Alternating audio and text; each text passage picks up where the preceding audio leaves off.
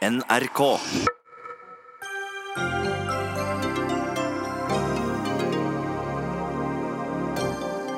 Vy skal betale 2,2 milliarder kroner for å kjøre Bergensbanen. Det viser at privatiseringen fungerer, sier samferdselsministeren, som møter SV til debatt.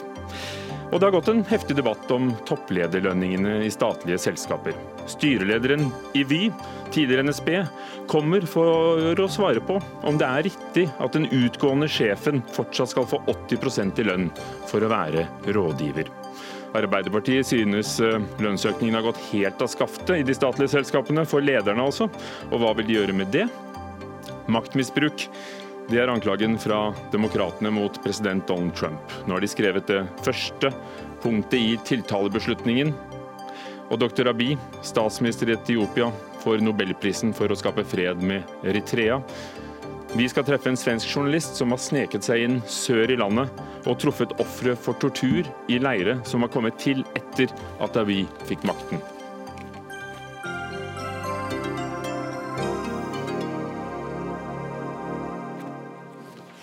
For spørsmålet er kan han skape fred i eget land. Velkommen til Dagsnytt 18 i NRK P2 og på NRK2 med Ugo Fermariello i studio.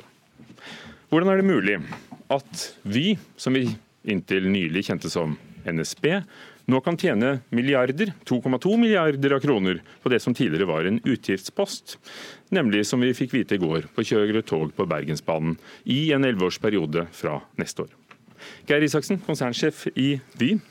Dere tapte anbudet om å kjøre tog på Sørlandsbanen og i Nord- og Midt-Norge.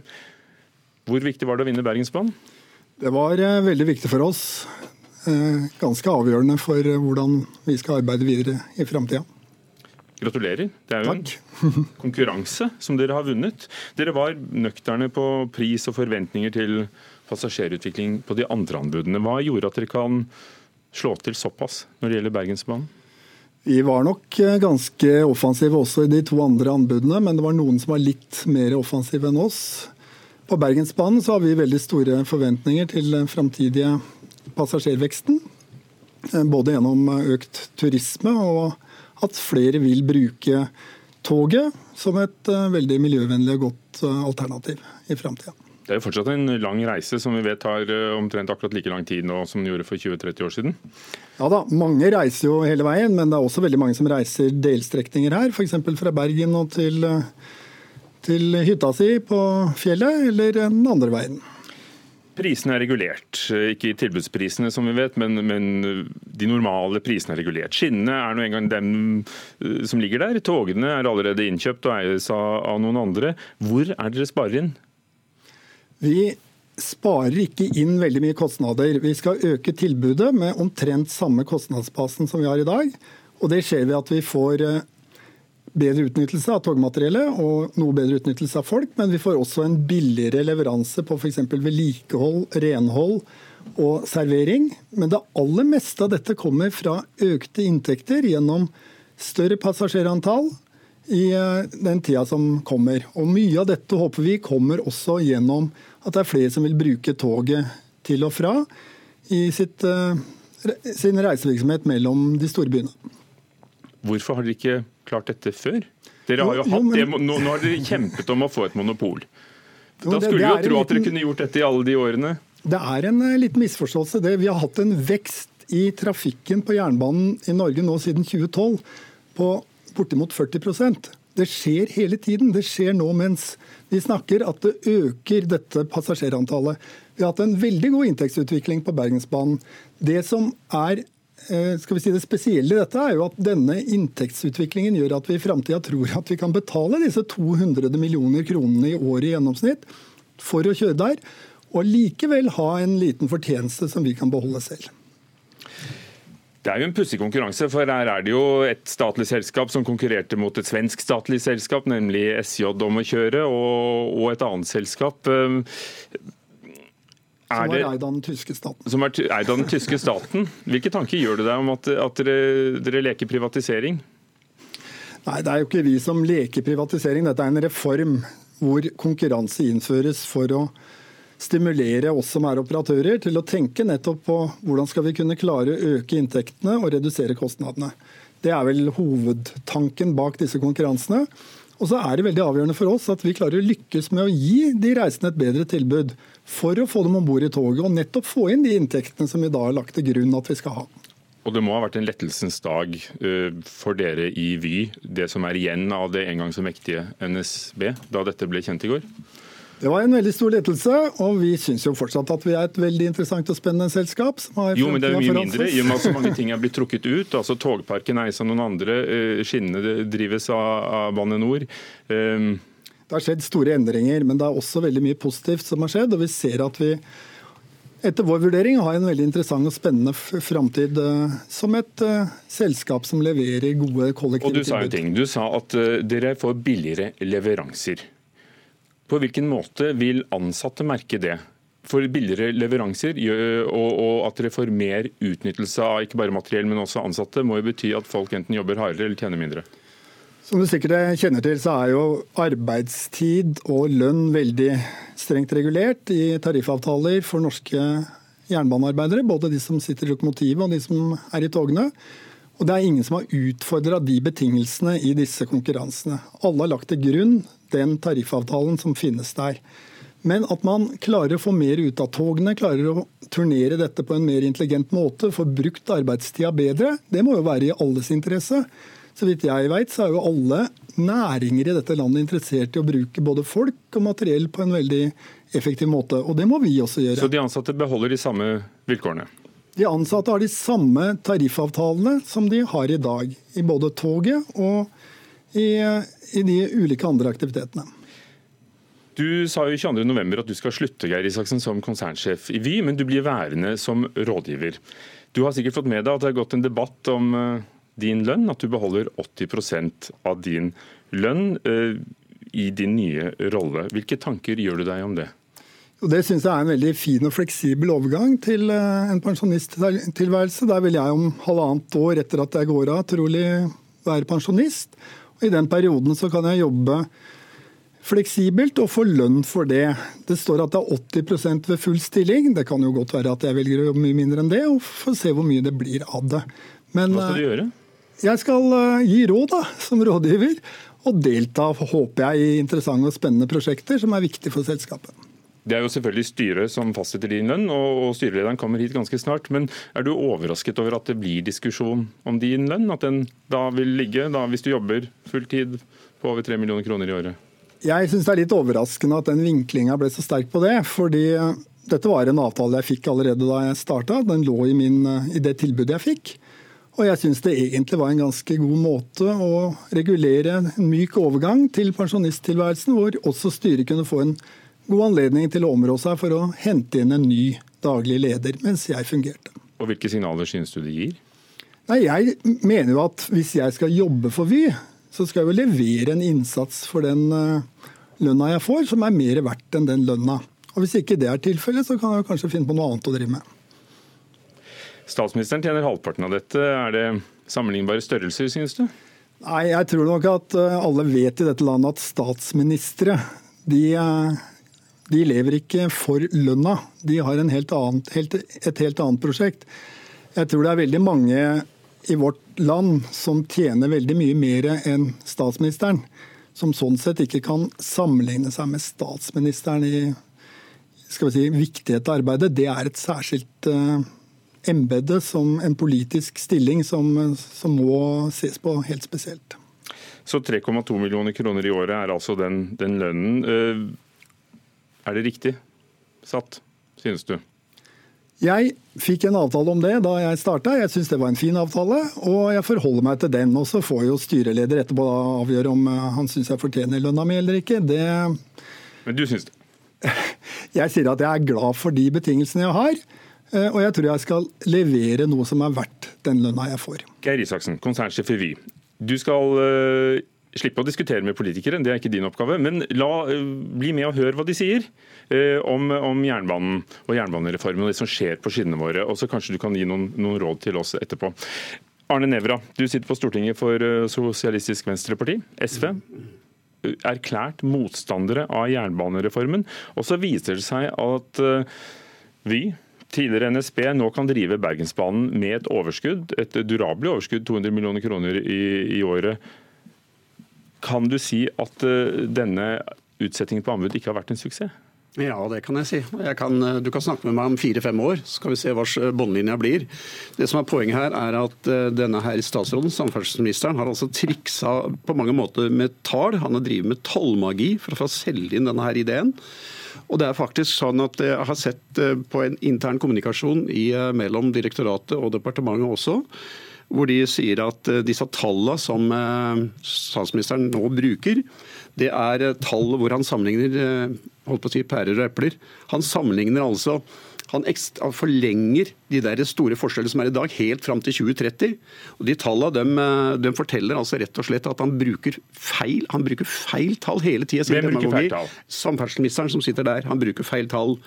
Dette er, tall som, dette, er jo tall som, de forskjellige jernbaneselskapene har, har bytt på. Nei, de sa at dette er det vi kan drive Bergensbanen for. Ja, men han tar ikke høyde for at passasjerveksten hadde vært der uansett.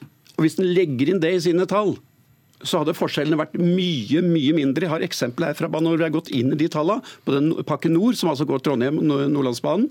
Han opererer med feil tall. Det er én ting. Men så er det også det at uh, på lang sikt, hva, hva skjer da? Skal vi stoppe det med tallene, og så kommer vi til den lange sikten. Mm. Uh, Jon Georg Dale, har, har, du glemt det at kanskje passasjerveksten ville kommet uansett, om vi så drev på, på gamlemåten? Nei, men eh, SV fossror jo vekk fra at dette er en reform som har tre klare formål. Vi skal få flere tog til å gå. Vi skal få flere fornøyde passasjerer. Og vi skal spare staten for penger på å operere det. På den måten kan vi investere mer i norsk jernbane i åra framover. Men det han det... sier er at denne passasjerveksten, disse pengene, da, så de betaler billettene sine, vil komme uansett? Ja, men jeg hører du sier det, men selv uh, Vy-sjefen sier jo at det, det er vesentlig innsparing i dette tilbudet. Og det er jo et poeng, da. For vi har jo tidligere direkteforhandla med en monopolist. Og vi har jo ikke klart å få ut de kostnadsbesparelsene da, verken når vi har styrt, eller når SV har hatt innflytelse og har sittet i regjering. Og Grunnen til det, det er at det er den markedsdynamikken som vi nå har klart å få utløst, som gjør at flere aktører prøver å konkurrere om hvordan skal vi få tak i flest mulig passasjerer Samarbeid med andre kollektivselskap for å utnytte kapasiteten vi er på jernbanen. Sørge for forbedringer i tilbudet, sånn at vi får flere fornøyde passasjerer som velger jernbane hver dag. Og det er nesten utrolig, programleder, at SV etter å ha sett at flere er interessert i å levere et bedre tilbud til passasjerene, så sitter en fortsatt og prøver å si at nei, men vi ville ikke hatt det, for vi ville hatt alt sånn som det var før, også når vi ser at vi får bedre resultater. Altså, Hva er det du er engstelig for? Altså Nå er det sånn at De konkurrerer med de samme skinnene som ble nevnt her, med de samme tog, det samme billettsystemet. Det eneste de kan konkurrere på, godeste samferdselsminister, det er lønns- og arbeidsforhold, det er pensjoner. Og så er det en ting til. Han sier også Vye her at ja, de har fått ned noe på utgiftene. Det er ikke mye. Det de har fått ned på, det er underleverandører på bl.a. vedlikehold osv. Mm. Hva, hva, hva forteller det samferdselsministeren? Det forteller at de har fått en billigere leverandør. Hva er det det går utover? Det er lønns- og arbeidsforhold. Jeg har sett i luftfarten. De løper fortere og fortere i SAS. De har måttet møte konkurransen. Og det går utover arbeidsfolk. Dale. Dale. Det nevner du aldri. Jo, men det hadde, det hadde, jeg gjort hvis jeg hadde faktisk meint at de gjorde det. Men det er klart gjennom hele reformen at alle som nå eventuelt skifter arbeidsgiver, nå slipper de forhåpentligvis mye arbeidsgiverskifte når Vy vant dette anbudet. De kommer til å ha den samme eieren og det samme selskapet. Men, men eh, det var klart hele tida. Lønns- og arbeidsvilkårene gjelder. Tariffavtalene hvor lenge, gjelder, hvor lenge, hvor arbeidsmiljølova gjelder. sånn at det som, er, det som er problemet ditt, Arne Nævra, det er at du var imot en reform som nå viser seg at det faktisk Nei. gir større konkurranse. Sier du at det er en ideologisk motstand? Det Nei, det, det, er et forsøk på å rose ut av at den var mot en reform som virker. For det blir flere togavganger, det blir flere fornøyde passasjerer, og det blir penger spart, så vi kan investere i jernbane og i staden og forbedre tilbudet for passasjerer. Kan du fortelle oss hvorfor er du engstelig for, for de ansatte, når vi også hørte fra, fra Vy-sjefen at her ligger det en tariffavtale til grunn. Og det har vært programleder da, så hadde har spurt hvor lenge varer en tariffavtale. Hvor lenge skal man fryse f.eks. lønninger? Ja, kanskje han får det spørsmålet... Jeg, jeg vil si det sånn at de kan fryse lønningene i ti år. Og denne perioden er jo i litt over ti år. Det gjorde de omtrent i ti år i SAS. Og det er parallell situasjon med den konkurransen som siden, blir innført. Dette her er Siden undertegnede nå er så privilegert å være programleder, eh, Geir Isaksen, kan vi bare forklare til det. Eh, lønns- og altså tariffavtalene som ligger der i dag, hvor, hvor, hvor lenge varer de? Og, og, og, kan de komme under press? De varer jo formelt en tariffperiode, som er to år. Men så kan du jo prøve å endre en tariffavtale. Jeg har sittet i forhandlinger med Lokmannsforbundet og Jernbaneforbundet mange ganger, jeg. Eh, og de opparbeidede rettighetene, de forandrer man ikke på.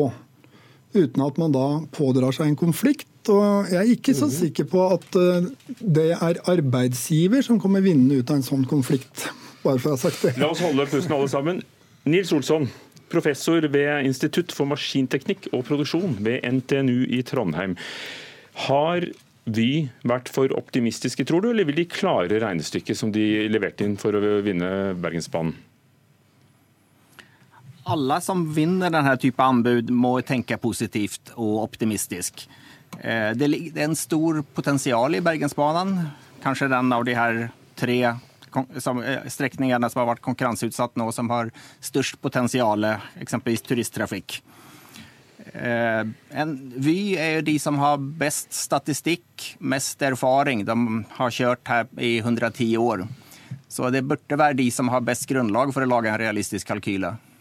Men hvorfor eh, var det så stor forskjell, tror du, mellom de forskjellige tilbyderne? Hvorfor så ikke de andre En ting er erfaring, men altså, eh, de kan vel regne i SJ også, f.eks.? I noen grad så er vel denne type konkurransen sånn at det blir vunnet av den som er mest sulten. Noen som vil inn på et marked, eller i dette tilfellet Vy som vil forsvare et marked. Så. Sånn at de strekker seg litt lenger? Ja, man må uh, ta det lille ekstra for å vinne denne type konkurranser. Hvor viktig var det for Vy som selskap vil du si, å, å vinne denne paradestrekningen? veldig, veldig viktig. Spesielt symbolsk. Det, målt i volum så er Østlandet, som er de kommende anbudene, det største. Men Bergensbanen er den mest høyprofilerte, den mest kjente av langdistansestrekningene. Og det, hadde, det, det ga Vy et pusterom å ha vunnet én av de her tre. Det hadde ikke sett bra ut å tape alle de tre første. Jon Georg Dale, dette begynte egentlig for mange år siden i det små med Gjøvikbanen, som NSB vant med et uh, underselskap. Og, og, nå er vi der at uh, alt unntatt Østlandet er satt ut uh, på anbud.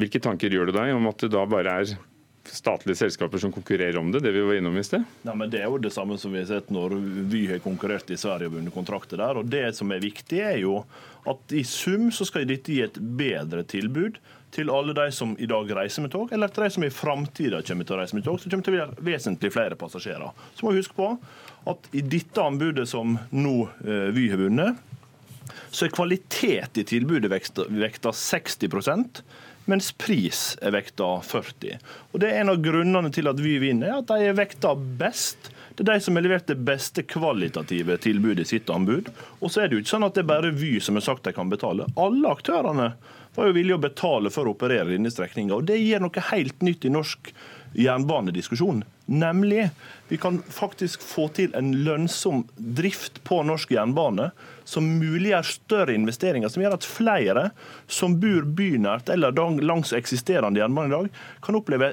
forbedring i tilbudet. Fordi vi sparer penger her, kan vi bruke mer penger på å investere i en framtidsretta sa jernbane. Arne Nævra, er dette en sak som du må se tapt for deg? For nå er det gått så langt at, at snart hele landet da er lagt ut på anbud? Denne her saken hadde ikke vært tapt hvis det var enkeltsaker. Det som gjør at saken kan bli tapt, er at vi nå surrer oss inn i dette EU-systemet med jernbanepakke 4. Og da blir det veldig vanskelig å reversere. Da blir det obligatorisk med å hakke opp jernbanen og dele ut anbud og fortsette et anbudshysteriet som passer som hånden i hanske for høyreideologien. Men jeg må tilbake til de tallene dine, for det er vesentlig. Du opererer med en par milliarder feil på pakke nord, f.eks. Så dette, her, dette, er ikke bra, altså, samferdselsminister.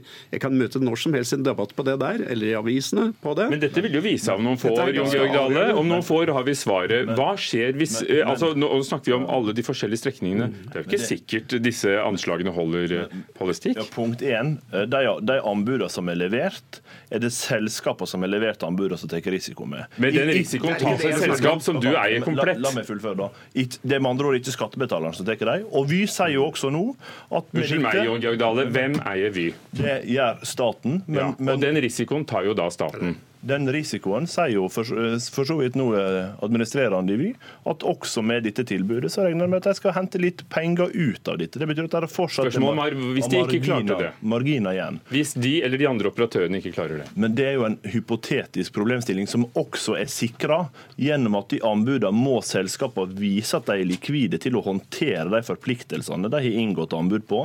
Det måtte Go-Ahead gjøre, det måtte SJ gjøre, det må Vy gjøre. og Det gjør at det vi sitter igjen med, er en Arne Nævra som prøver å fosse Jon ut, og at dette gir gode resultater. Arne Nævra fra SV. Geir Isaksen, snart rådgiver i Vy-konsernet. Hvilke råd vil du gi til din etterfølger når du har hørt politikerne om jernbanens fremtid?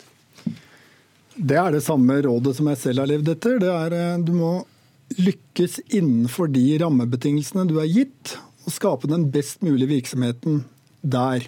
Så kan vi ha meninger om hva som er den beste måten å organisere jernbanen på, men det er tross alt politikernes ansvar å beslutte det.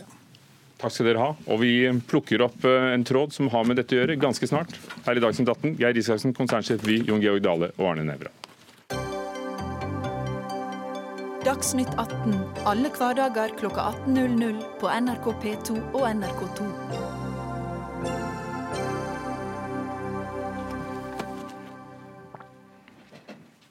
Forrige tirsdag, i programmet Debatten på NRK1, ble stolen til styreleder Dag Meidel, styreleder i Vy, stående tom fordi han ikke ville komme og kommentere lederlønnen til Geir Isaksen, som vi nettopp snakket med her. Men her i Dagsnytt 18 har vi nå fått deg på plass i stolen ved siden av oss. Og hva er da mer naturlig enn å spørre om det som var meningen å spørre deg om i debatten. Og bare for å ta historien, altså Det var 22.11 at eh, Isaksen sa at han trakk seg som konsernsjef i eh, Vy. Um, Han har hatt en samlet utbetaling på 6,2 millioner kroner årlig. Nå vil han som 65-åring isteden bli rådgiver og beholder 80% av lønnen. Det blir 3,2 millioner kroner hvis han da jobber fulltid, som han sa selv. Dag Meider, styreleder i Vy, og, og en eh, garvet mann i norsk næringsliv. Um, Du har selv sagt at lønnen til Geir reflekterer at Vy-gruppen er et av Norges største selskaper med over 10 000 ansatte. Betyr det at jo flere ansatte, jo, jo, flere, jo høyere lønn, lønn for rådgivere? Nei, så enkelt er det heldigvis ikke. Eh, Lønn det fastsettes ut ifra en eh, rekke kriterier. Men eh, jeg tror vel det som er utgangspunktet nesten i ethvert selskap, det er jo at man ønsker å ha den beste lederen. Og det har vi hatt i Geir Isaksen de åtte årene som han har vært konsernsjef i Vy. Han har gjort en stor jobb for selskapet. Han har vært med på å modernisere NSB, eller nå Vy. Har økt, bidratt til å øke bruken av tog i betydelig grad i denne perioden. Nye tog og en stort kundetilfang. Og ikke nå minst en stor omstilling av selskapet i forbindelse med jernbanereformen. Så dette er en krevende Men i forbindelse med jernbanereformen så fikk han jo utbetalt en bonus i fjor, selv etter at Vy tapte eh, NSB konkurransen om Sørlandsbanen. Eh, Du har sikkert svart på det spørsmålet før, men, men det kan jo virke som et paradoks. Bonus eh, er jo en del av den samlede kompensasjonen til Isaksen, som mange andre toppledere. Han har en eh, fastlønn, eh, som jo har vært poengtert allerede, på ca. 3,9 millioner kroner. Og så har han en mulighet til å få en bonus på toppen av det inntil fem månedslønner. Han fikk ikke det i fjor, han fikk heller ikke det året før. I fjor så fikk han faktisk mindre enn året før. Men det som inngår i grunnlaget for å bestemme en bonus, det er en rekke forskjellige KPI-er, som vi kaller det for, eller, og rett og slett selskapets samlede resultater. Hva står det for, KPI? Key Performance Indicator, som er et veldig dårlig norsk ord, men det er jo egentlig også å sette helt eh, klare måltall da, innenfor forskjellige områder. Vi har f.eks. et mål for sykefravær, et eh, mål for miljøpåvirkning. mål anbud, for- var det et mål? Det var ikke et konkret mål, det inngikk et, eh, et større mål på den strategiske utviklingen av selskapet. Men eh, ja, hva, hva syntes du da de vant anbudet i går om Altså- Bergensbanen? Altså, vi tenkte litt slik da vi fastsatte dette med hva skal målene være, at eh, vi skal ikke betale en bonus for å vinne en kontrakt, og da skal man heller ikke miste en bonus for ikke å vinne en kontrakt. For risikoen er jo at man da oppfordrer til en uønsket atferd. Var du, var du glad vi Jeg var veldig glad. vant Bergensbanen? Det var jeg veldig glad for på selskapets vegne. Det har vært veldig viktig. Og jeg er veldig trygg på at uh, dette skal bli et mye bedre togtilbud også, etter hvert som vi utvikler Du sier Dag Meidel, at uh, lønnen skal være markedsmessig. Hva betyr det? Hvilket marked er det vi snakker om? Så Det som staten sier for uh, sine selskaper, er jo at vi skal tilby en konkurransedyktig lønn, men vi skal ikke være lønnsledende. Og Det betyr jo at vi må se oss om etter den typen ledere som har den erfaringen og kompetansen som er nødvendig for å lede såpass stort selskap som Vy. Så han er ikke lønnsledende? Han er ikke lønnsledende. Men, men hvem sammenligner du med da? Vi sammenligner med andre store norske selskaper, med eller uten statlig eierandel. Isaksen selv kommer jo fra Cermaq, altså oppdrettsselskapet i 2011. Og Sånn sett så var jo den lønnen som han hadde der, et uh, utgangspunkt for også å fastsette en, en, riktig kompensasjon i Vy-gruppen. Egentlig om to ting. Lønnen han har hatt som toppsjef, og lønnen han får som rådgiver, som har vært tema for debatt. Uh, markedet for rådgiver i jernbanesektoren er på hvilken måte er 3,2 millioner da markedsmessig der? Jeg tror vi må huske på bakgrunnen for den avtalen. Det var da Isaksen kom til eh, Vy i 2011. Men alt dette sa Isaksen da han var her. Altså, I markedet for rådgivere, som en, en ny konsernsjef i Vy vil trenge, eh, hvordan er 3,2 millioner den prisen som er riktig der? Geir Isaksen har en eh, meget bred og lang kompetanse og erfaring innenfor ledelse innenfor de selskapene som han har jobbet. Det er en kompetanse som vi kan ta med oss videre i eh, den perioden som han kommer til å jobbe som rådgiver. Og Da må man jo relatere det også til den lønnen som han ellers kunne fått eh, hvis han hadde fortsatt i, som konsernsjef helt frem til fylte 67 år. Hva skal han gjøre? Hva det kommer, til, det kommer, til, å bli bestemt i samråd med ny konsernsjef. Eh, Geir Isaksen vil jo ikke rapportere til et styre. Han vil eh, jobbe for eh, den nye lederen av Vy når han eller hun er ansatt. Og sånn sett så er det ikke du tror mulig i dag. Det er attraktivt å ha en syvende for i huset når du skal finne en ny konsernsjef? Vi skal finne en god løsning og en god måte å utnytte den kompetansen som Geir Isaksen sitter på. Det føler jeg meg trygg på. Så dere setter lønnen før dere egentlig vet hva han skal, skal drive med? Denne, denne, avtalen ble utarbeidet i 2011 og var et element som ble vektlagt av både selskapet og Isaksen da han sa ja til jobben i, i NSB den gangen. Så det er egentlig en, en sluttpakke, en fallskjerm, mer enn en, en, lønn for den jobben dere ennå ikke vet helt hvordan skal fylles? Nei, det er det på ingen måte. Vi må se det ut ifra at han ønsket å ha en noe større fleksibilitet i forhold til når han kunne gå av. I sin gamle jobb kunne han gå av han, da han var 62. Det kunne han ikke i Vy, men da fikk han et tilbud om en avtale hvor han hadde en fleksibel mulighet til å trappe ned og jobbe mindre. og Det er det som denne avtalen reflekterer. Er 3,2 millioner kroner mye som rådgiver? 3,2 millioner kroner er mye, og det er eh, mye for de fleste. Men eh, vi må se det slik at eh, Topplederlønninger de er mye høyere enn vanlige lønninger. Og jeg mener bestemt at den lønnen som han har i dag, er en, en riktig lønn for den jobben som han har. Så går han inn og hvor vi fortsatt bruker kompetansen, men da på en litt annen måte, og dermed også en lavere lønn. Du har jo selv vært um, sjef i Posten, du har erfaring fra private næringsliv i, i Dyn og industrier. Er dette det riktige signalet da, for et statlig selskap? Vi må se det tilbake til eh, da Isaksen ble ansatt i 2011. Det var eh, nødvendig å tilby han denne typen fleksibilitet for å få han til å takke ja til jobben. Og Jeg er veldig glad for den, den, jobben som han har gjort, de årene som han har ledet Vy gjennom en stor omstilling. og Jeg er sikker på at vi også kommer fortsatt til å få nytte av han. Spiller det en rolle om Vy er et statlig selskap eller ikke for deg som styreleder, når du skal finne de riktige menneskene og sette de riktige lønningene? Det stilles egne krav til eh, statlig eide selskaper, både heleide og deleide. Vi følger statens retningslinjer. Vi følger de forventninger som stilles til eh, selskaper gjennom statens eh, eiermelding. Men, men som en ringrev i, i, i, bransjen, synes du det er en sunn og interessant og, og nyttig debatt som, som pågår om lederlønninger i, statlige selskaper? Jeg tror det er riktig å debattere det. Eh, men vi må også se det slik at eh, de selskapene som staten eier, er også avhengig av å få de beste lederne. Og da rekrutterer vi blant ledere med lignende kompetanse, eh, lignende erfaring.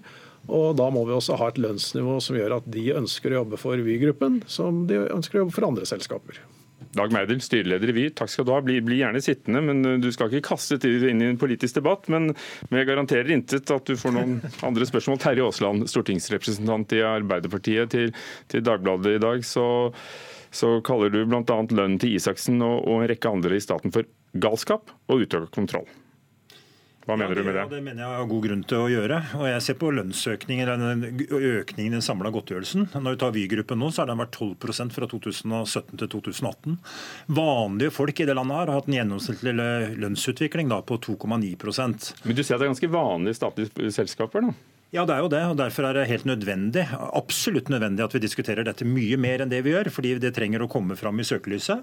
Og vi trenger å være mye tydeligere på hva som er retningslinjene. I dag så er disse fylt med bør. Det må jo være skal. Og jeg syns Meidel i utgangspunktet argumenterer godt for at en bør endre retningslinjene fra bør til skal. Sånn at det skal vises moderasjon, f.eks. Vil du gjort det hvis du ble næringsminister da, i en regjering? Ja, absolutt. og Vi kommer til å foreslå det i Stortinget også. fordi jeg mener det er helt nødvendig å stramme opp de retningslinjene. fordi når så mange som 15 av de statlige selskapene kan tillate seg å ha en samla økning i godtgjørelsene fra 2017 til 2018 på over 10% så forteller det at eh, vi er på ville veier. Og det er ikke moderasjon. Og det er sånn også at folk der ute ikke, altså skjønner egentlig ikke hva som foregår. Du skal fylle altså når... det ordet moderasjon ganske snart med innhold. Vi, vi tenkte at det ville vært fint med Torbjørn Røe Isaksen, næringsminister her i dag, eller statssekretæren hans, men ingen av dem kunne komme. Men Tom Christer Nilsen på Stortinget for Høyre i næringskomiteen. Hva synes du om økningene i lederlønninger i statlige selskaper, som da har vært eh, i mange tilfeller godt over 10 Takk for at du presenterer meg som tredje innbytter. Det, det, setter jeg pris på ved starten av denne. Eh, nei, altså, Det er helt klart at eh, vi ønsker, som, eh, som Meidel også har sagt, moderasjon i, i statlige selskaper og i statlige lederlønninger også. Nå vil jeg vel si at Når det er moderasjon som er problemet, eller vurderingen av moderasjon som er utfordringen, så vil ikke det endres om du ender fra skal til bør. Eh, alle forstår i et dokument som staten eh, leverer, at bør betyr at du skal. Eh, og Det som vi må gjøre med det, er å, for å få det på plass, er å fylle det begrepet moderasjon med innhold. Og Det gjør vi i den eiermeldingen som, som nå kommer. Og da, jo, og da definerer vi dette. dette Hvordan gjør du det? Ved å si at det er eh, vanlig lønnsøkning fra, fra, år til år. Og Det har, eh, det har gitt, blitt gitt beskjed også fra eh, Kommunaldepartementet til de underliggende etater, og det blir gitt beskjed i denne eiermeldingen om det. Så vi fyller dette begrepet med innhold, og det regner jeg med at vi kan være enige om at er fornuftig å gjøre i, i den prosessen. Men om du endrer ett ord i et dokument, så endrer ikke det vurderingen av moderasjon. Men det må mye mer åpenhet rundt det. Altså Når 36 selskaper av de statlig eide har mer enn eh, det som er gjennomsnittlig lønnsutvikling fra 2017 til 2018, og 15 eh, selskaper har mer enn 10% så er det veldig godt og lett å forstå at de styrene som sitter der og bevilger de eh, lederlønningene, de har ikke forstått hva som ligger i retningslinjene. Så du mener at 2,9% som var den gjennomsnittlige lønnsveksten i fjor, ville holdt for, for sjefen i Posten eller Flytoget eller for den saks skyld Vy, som vi har snakket om? Selvfølgelig selvfølgelig. Og når vi snakker om prosenter, så er det vesentlig høyere kroneøkninger enn vanlige folk må, må leve med, og som de skal klare seg for. Så det å holde dette innenfor et moderat nivå, det betyr at også ledere som er helt avhengig av at vanlige arbeidsfolk viser solidaritet, viser moderasjon, faktisk viser også at de forstår hva ordet moderasjon betyr. Og det som er men, men, kjennetegner, bare for å avslutte det, det som kjennetegner den utviklingen som har vært i de statlige selskapene nå, er ikke å betrakte som moderasjon. Dette er, skal vi si, det er galt, det er på ville veier. Og det viser jo, viser jo overfor vanlige folk at eh, moderasjon er et begrep mange ledere og styrer ikke forstår noen tingen av. Tom Kristin Nilsen. For det første så skal jeg, så vi være enige om at man skal vise moderasjon også i statlige selskap. Det, det, skal være sammenheng mellom det du opplever Nå bruker du ordet 'skal'. Ja, det gjør jeg. og Det er ikke det ordet der som er det, er det Jeg er ikke, ikke mot et ord som, er, ord, ord som er det, men det er moderasjonen jeg er opptatt av. Og, og det, det, men, men, så, men så må vi bare si at det de sammenligningene som nå dras, de er ikke helt rettferdige. Og så er det litt vanskelig å bruke ordet rettferdig for noen som tjener f.eks. som eh, Equinor-sjefen over 16 millioner kroner. Men deler av enkelte av de som blir dratt fram i dette eksempelet, har resultatbasert lønn. Og det vil si at Fra det, det, året de treffer godt på de resultatmålene, så går lønnen deres opp. Men samtidig noen av de samme eksemplene hadde i 16-15 en reduksjon i lønn på 20% Og Det er klart at det eh, nivået kan oppfattes som urettferdig, men, men, men resultatbasert jo... lønn vil variere avhengig av om man når de målene som man har. Nå har vi hatt en toppsjef her, og, og styrelederen, eh, nemlig Vy Isaksen. Ja. Har det vært en riktig lønn han har hatt og han fortsetter å få som rådgiver? For han ble ansatt i 2011 under en annen regjering. Det, det var et ja- eller nei-spørsmål? Ja, men la meg få lov til å si at jeg syns ikke et ja- eller nei-svar er, er dekkende på det. Jeg vil si at den avtalen med etterlønn som han er, den etter, etterkonsulentavtalen som han har i dag, den ville etter all sannsynlighet ikke blitt inngått i dag. Og jeg mener at den ikke er riktig å inngå i dag. Så 3,2 millioner kroner i lønn som rådgiver, som konsulent? Ja. Det mener jeg er høyere enn det Norge har råd til. Jeg, jeg mener at, og Det er derfor vi har endret regelverket, regelverket, på det punktet allerede i 2015. Så sånne avtaler blir det ikke flere av. Dette er vel musikk i dine ører, Terje Aasland? Ja, veldig bra. Jeg syns ikke det var riktig at den ble inngått i 2011. fordi det her, Når det, sånne ting kommer ut uh, i offentligheten, så gir det veldig klare signaler om at det er noen der som leder de selskapene våre. Uh, og som uh, ikke, noen som dere utnevner? Noen som vi utnevner av å styre da, den gangen i NSB, også som ansatte, ansatte den gangen. Så det er styrene som gjør det. Men jeg er helt overbevist om, og jeg mener også at under, også i den tida vi har sittet i regjeringskontorene, så har det ikke vært godt nok fulgt opp dette med moderasjon. Ja, du sa det jo selv, dette skjedde jo også da dere satt i regjering? Ja, men det er på tide nå også virkelig stramme inn grepet. Jeg er glad for at eh, Nilsen nå sier at han er enig med meg i at det må gjøres. For det er ikke gode nok signaler, det som ligger i eierskapsmeldinga. Vi må sørge for punkt én. Tom Christer Nilsen, er du enig med Aasland?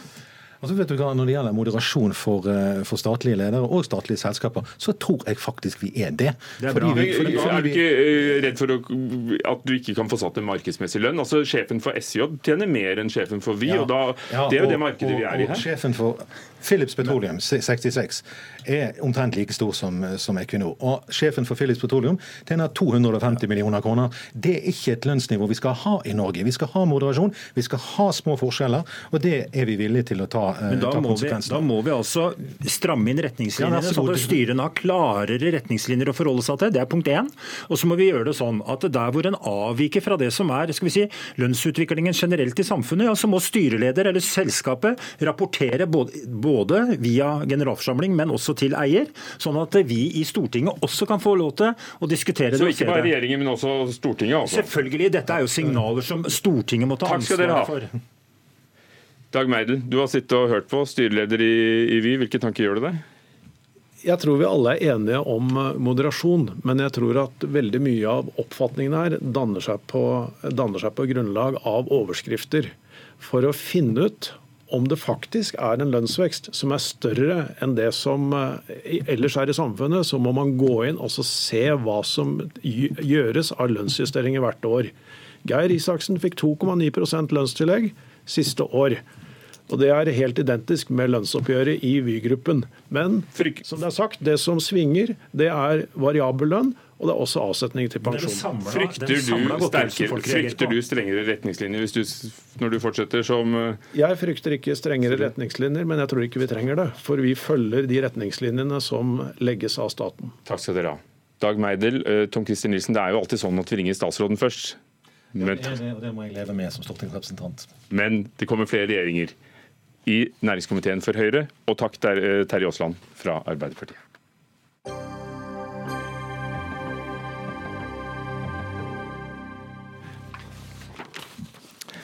Greta Thunberg, den kjente aktivisten fra Sverige, beskylder Norge for å bryte FNs barnekonvensjon. Norges eh, utvinning av olje og gass vil ødelegge barnas fremtid, skriver hun og 14 andre ungdommer i et brev til Erna Solberg, og rasler med FNs barnekonvensjon. Vi tar debatten litt senere her i Dagsnytt 18. Men først, det har vært en heftig dag i Washington DC. Anders Magnus, vår mann på plass i USAs hovedstad. Eh, hva har skjedd?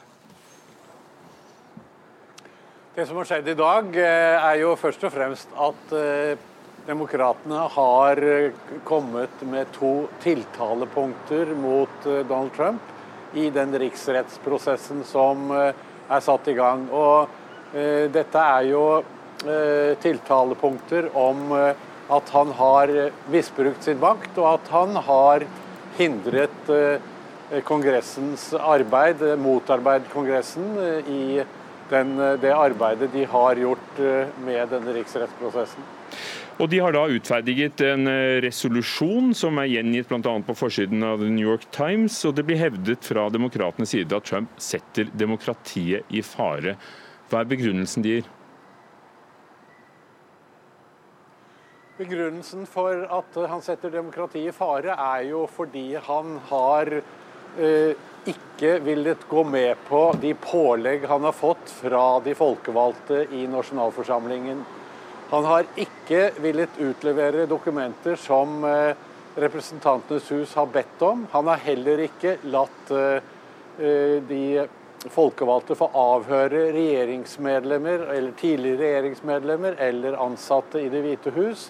Noen har stilt opp allikevel, men Trump har gjort alt han har kunnet for å motarbeide Kongressen. Og mange mener at han dermed setter hele maktfordelingsprinsippet i republikken i fare. Altså det, det vil jo omtrent være slik som om hvis Stortinget krevet noe av regjeringen hjemme i Norge, så skulle regjeringen bare sagt nei, det vil vi ikke, eh, det vil vi ikke gå med på. Det ville vært helt utenkelig i Norge. Men i USA så foregår det altså nå, eh, og mange er veldig bekymret over at Trump eh, tiltar seg en makt han egentlig ikke skal ha etter Grunnloven. Vi har jo hørt om det en, stund, men nå står det der altså svart på hvitt. 'Impeaching Donald John Trump, President of the United States for high crimes and misdemeanors'. Um, hvilken støtte får presidenten nå fra sine egne? Han får veldig sterk støtte fra sine egne. Eh, de eh, sier at han ikke har gjort noe galt. Det er jo det han selv sier også. Og det er nok en eh, veldig stor frykt blant republikanske folkevalgte om å gå imot presidenten i denne riksrettsprosessen. Folk som tidligere har kritisert presidenten, har stort sett alltid gjort det svært dårlig i etterfølgende valg og blitt, ikke blitt gjenvalgt. Det er det veldig mange som frykter at det, det kan bli deres skjebne også. Så nå har republikanerne sluttet rekkene, og det er foreløpig ingen som eh, støtter denne riksrettsprosessen eller de to tiltalepunktene. Men det er mange som mener at kanskje det siste tiltalepunktet om at han har motarbeidet de folkevalgte, vil få en del republikanere til å tenke litt nøyere over saken. Takk skal du ha, Anders Magnus i Washington.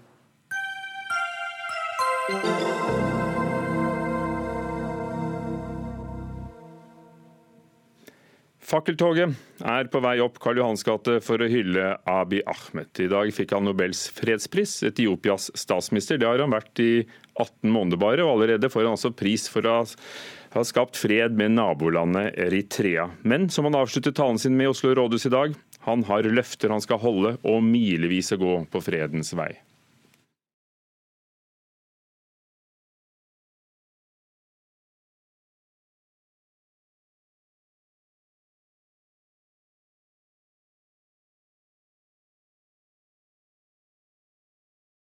Ja, Det var meningen at vi skulle høre Abiy Ahmed fra, fra, talen sin i dag. Han ba altså i konklusjonen og verdenssamfunnet om å hjelpe opp å bygge en varig fred på Afrikas Horn. For Ida Titlestad Dalbakk, Afrikakorrespondent i Nairobi.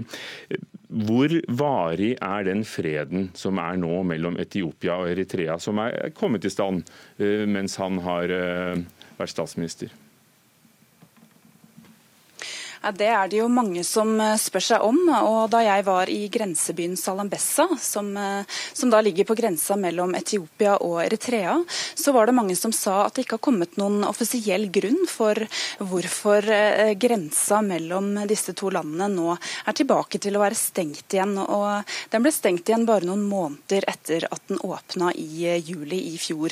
Men Abiy Ahmed var jo Han snakket jo mye om dette i dag, om at det er viktig å ha tålmodighet når det gjelder å bygge fred, og at han eh, jobber med å, å fortsette denne prosessen med Eritrea. Eh, og at, eh, ja, at, dette ikke er noe statisk. Dette må man jobbe hardt for framover. Og han viste at han hadde motivasjon, i hvert fall gjennom det han sa i dag, til å fortsette den prosessen framover. Hva sier de på den eritreiske siden av grensen, dem du har møtt, om utsiktene for at dette kan bli noe som varer?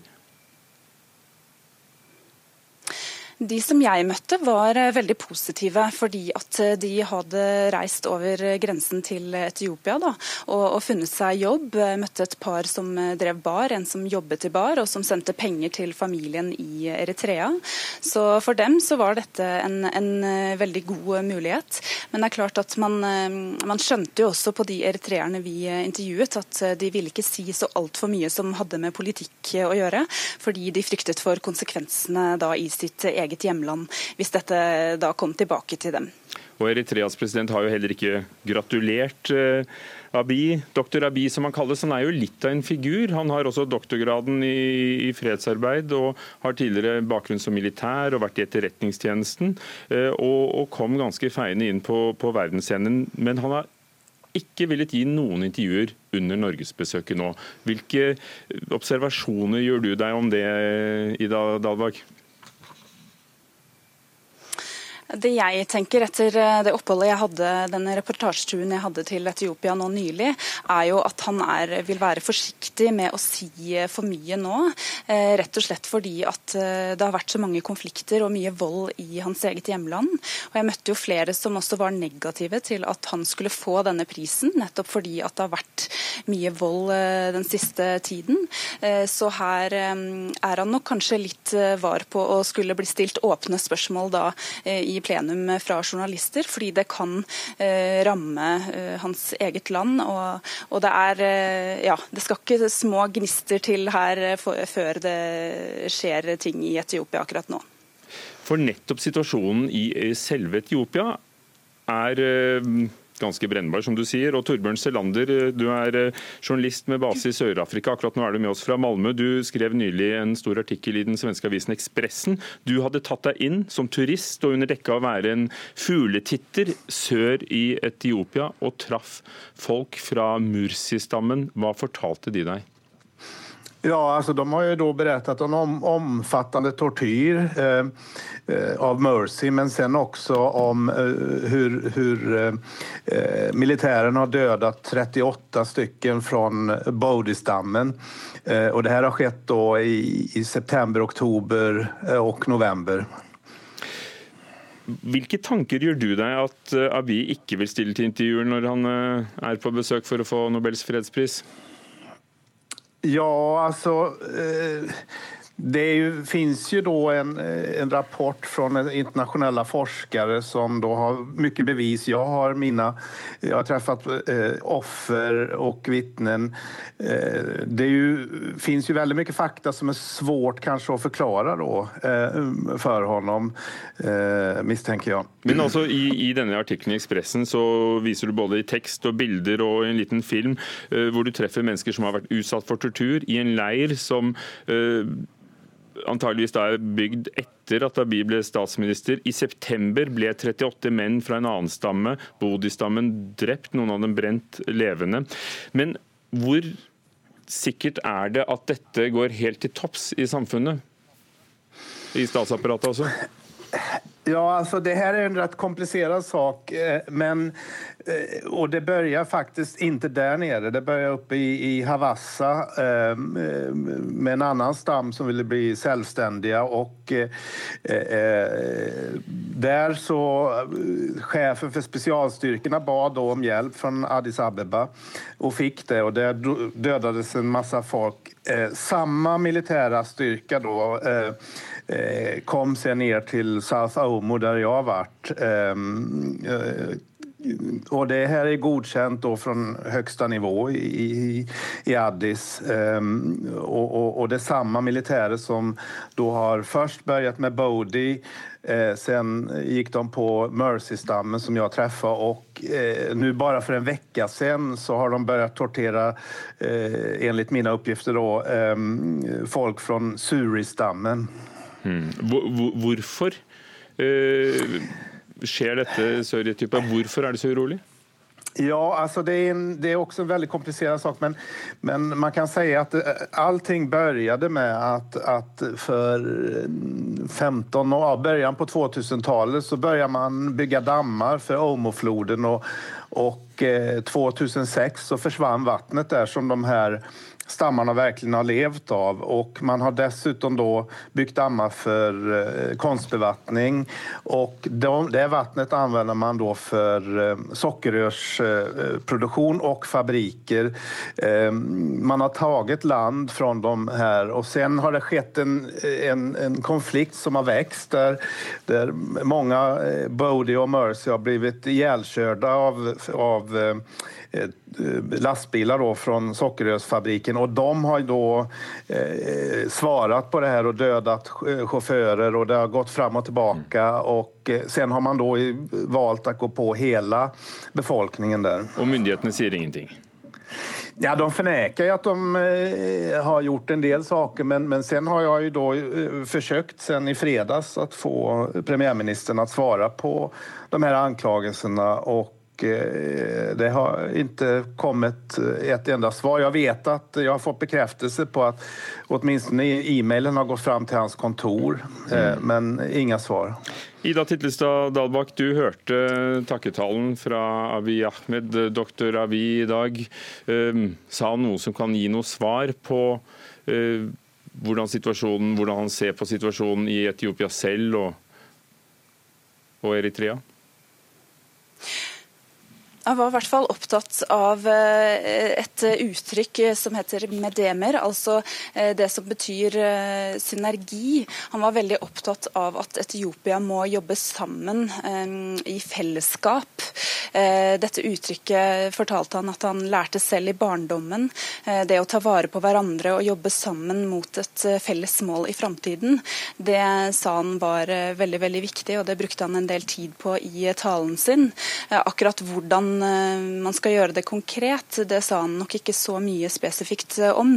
Men han var i hvert fall opptatt av at han ikke kan gjøre det alene, og at eh, det etiopiske folket må være med på den ferden. Takk skal du ha. Ida Titlestad Dalbakk, ettertiden vil dømme. Nobels fredspris blir i hvert fall delt ut i dag til Abiy Ahmed. Hør Dagsnytt 18 når du vil. Radio NRK Radio.nrk.no.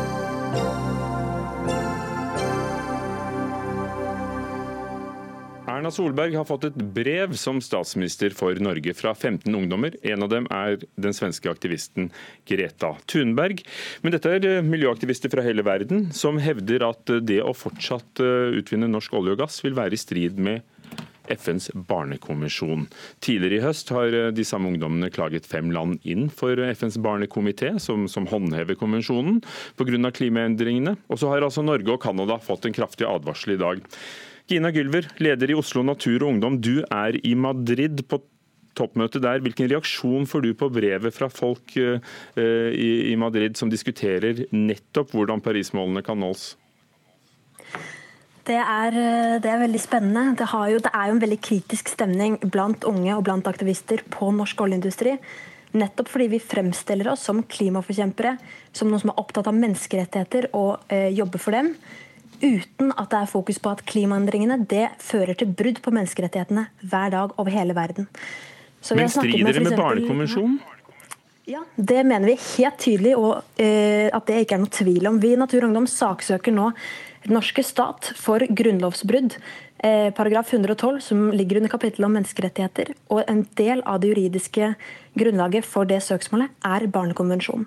Men vi mener der at det er Grunnloven som er mer gjeldende og viktigere enn Norge. Så det er den vi bygger det på. Men det er ingen tvil om at dette er et brudd på Barnekonvensjonen. Så det er vi helt enig i. Sveinung Rotevatn, statssekretær i Klima- og miljødepartementet. Du er også i Madrid. Tar dere advarselen alvorlig? Vi tar i høyeste grad det brevet alvorlig, og det er veldig bra at vi diskuterer norsk olje- og gassutvinning også i et klimaperspektiv. Det skulle det også bare mangle. Men eh, jeg vil nok si at min holdning er at det først og fremst er nettopp det en politisk diskusjon, som vi jo i høyeste grad har i Norge hver eneste dag. Der det er tøffe brytninger både i regjering og på Stortinget. Og jeg tror at Det å drive og presse den diskusjonen inn i en slags sånn juridisk ramme, eh, ja, det må en selvfølgelig gjerne gjøre, men jeg tror at skal vi løse klimakrisa, så må en gjøre det politisk. Og i alle fall så er det slik at det er det vi forsøker på, bl.a. her nede i Madrid får enda tøffere krav, enda mer utslippskutt. Norge bidrar mye, og spør du meg, så burde vi også bidratt enda mer. Gina Gulver, det, bruker dere feil arena eh, når dere truer med, med søksmål og, og, og, støtter også denne eh, trusselen med FNs barnekonvensjon? Absolutt ikke. Når det er et brudd på menneskerettighetene, skal vi da la være å bare stå på sidelinjen og prøve å jobbe politisk? Vi har prøvd alle andre arenaer. Vi har lobbet, vi har aksjonert, vi har jobbet med leserinnlegg, vi har snakket med politikere. Vi mener at vi ikke har noen annen mulighet. At nå så må vi gå så drastisk som til rettssalene, og det har vi valgt å gjøre. Theodor Bru, talsperson i Grønn ungdom. Miljøpartiet De Grønnes ungdomsparti. Er det en generasjonskamp som du ser det? mer enn en kamp mellom de vanlige politiske aksene? Det er det som vi føler at utspiller seg mer og mer nå, at det er en generasjonskamp. og Det mange voksne politikere ikke skjønner. at, at det er uh, millioner av barn og unge som føler på et, uh, en veldig utrygghet over klimaendringene. At det er mer enn en politisk sak. Og vi klarer å med denne saken her engasjere barn og unge som ikke er politisk aktive ellers, men som, men som føler at det er noe som er galt. At deres fremtid ikke blir tatt på alvor. Og vi mener akkurat som Natur og Ungdom at her har Grete Thunberg helt rett. At uh, Norge bryter uh, Barnekonvensjonen. Og vi fortsetter å si at vi skal pumpe opp uh, olje og gass, selv om vi vet at det er hovedgrunnen til, til klimaendringene. Men Mener du at det er en riktig vei å gå å bruke juridiske rammeverk for å, å ta den kampen? Jeg, jeg, dette er den største og viktigste saken i vår tid. og Hvis ikke jussen kan bidra til å løse opp i det, så vet jeg ikke hva jussen er til for. Det vi vet, er at hvis klimaendringene vil eh, komme i det omfangene som spås av klimaforskningen, så vil det gå utover velferden til folk, tryggheten til folk, og først og fremst alle vi som er ganske unge i dag, og de som er enda yngre og er barn. Eh, og enda, til enda større grad folk i andre land. og at det er så mange dimensjoner ved den saken her som gjør at det er helt riktig å trekke inn jussen. På alle måter, ja. Sveinung Rotevatn, eh, Statssekretær, eh, I brevet så trekker disse 15 ungdommene frem bl.a. Johan Sverdrup-feltet. Dette enorme feltet som eh, åpnet nå nettopp, som kan på det meste vil kunne lage 660 000 fat olje per dag. Dette er tallene fra Equinor. Hvordan forener du det med de, de, målene vi har, og, og, dette ansvaret for fremtidige generasjoner, altså, altså barn? Nei, Det er selvsagt en del av det paradokset Norge står i, som et land som ja, produserer olje og gass, eh, men som samtidig eh, reduserer sine klimagassutslipp og bidrar til å utvikle ny klimateknologi. Det som er viktig er at Innenfor klimakonvensjonen, innenfor Parisavtalen, som det vi diskuterer her nede, så er jo prinsipper, de juridiske prinsippene veldig greie og ryddige, eh, og slik må de være. Nemlig at hvert land har ansvar for utslippene på sitt territorium. Hvis du ikke har det som en hovedregel, så kan ikke systemet fungere. Og Det betyr at Norge har fullt ansvar for de utslippene vi skaper i Norge. Men etter klimakonvensjonen så har ikke vi ansvar for den, de utslippene som blir skapt av at andre kjøper olje av oss, på samme måte som at f.eks. Tyskland ikke har ansvar for de utslippene som blir skapt av at folk kjøper fossilbiler fra dem, eller at Frankrike har ansvar for de utslippene som blir skapt fordi folk kjøper fly av Frankrike. En har ansvar for de utslippene som er i sitt land, det må alle land ha. og Der skal Norge gjøre den store jobben det er å redusere våre utslipp. De går nå ned for tredje året på rad, men de må gå enda raskere ned framover skal vi klare å nå de ambisiøse klimamålene våre. og Det gjelder alle land i hele verden. Og Theodor Bru, eh, Da vil jo det å lage noe av den oljen som fortsatt vil trenges, bidra til å skape velferd. Og så er det jo det poenget at eh, vi på norsk sokkel kan gjøre det kanskje mer miljøvennlig enn andre oljeutvinnere. Det er et veldig dårlig argument, men først vil jeg si at eh, det forbauser meg litt av det statssekretæren her sier. og Venstre må ha vært veldig lenge i regjering sammen med oljekameraten i Frp og Høyre for å være fornøyd med at utslippene går ned 0,9% og, og begynne med den argumentasjonen om at Norge ikke har ansvar for utslipp som kommer utenfor Norge. Det er klart vi har det. Klimakrisen er et globalt problem. Vi selger et produkt på et globalt marked som får utslippene til å gå opp. Og Det produktet vil jo skape velferd for norske barn i generasjonen til? Den største trusselen mot velferd for barn både i Norge og andre steder er klimaendringene. Det viktigste vi gjøre er å hindre det i Grønn Ungdom, Gina Gylver i Oslo Natur og Ungdom og Sveinung Rotevatn. Det var Dagsnytt 18. Vi beklager for TV-seerne, for dette går jo også på NRK2, at uh, lyden var ganske uforståelig under innslaget om Nobels fredspris, men, men sånn var det. Arnhild Myklebust var ansvarlig for det hele i dag. Frode Thorshaug, teknisk ansvarlig. Ugo Fermarello, programleder. Takk for oss.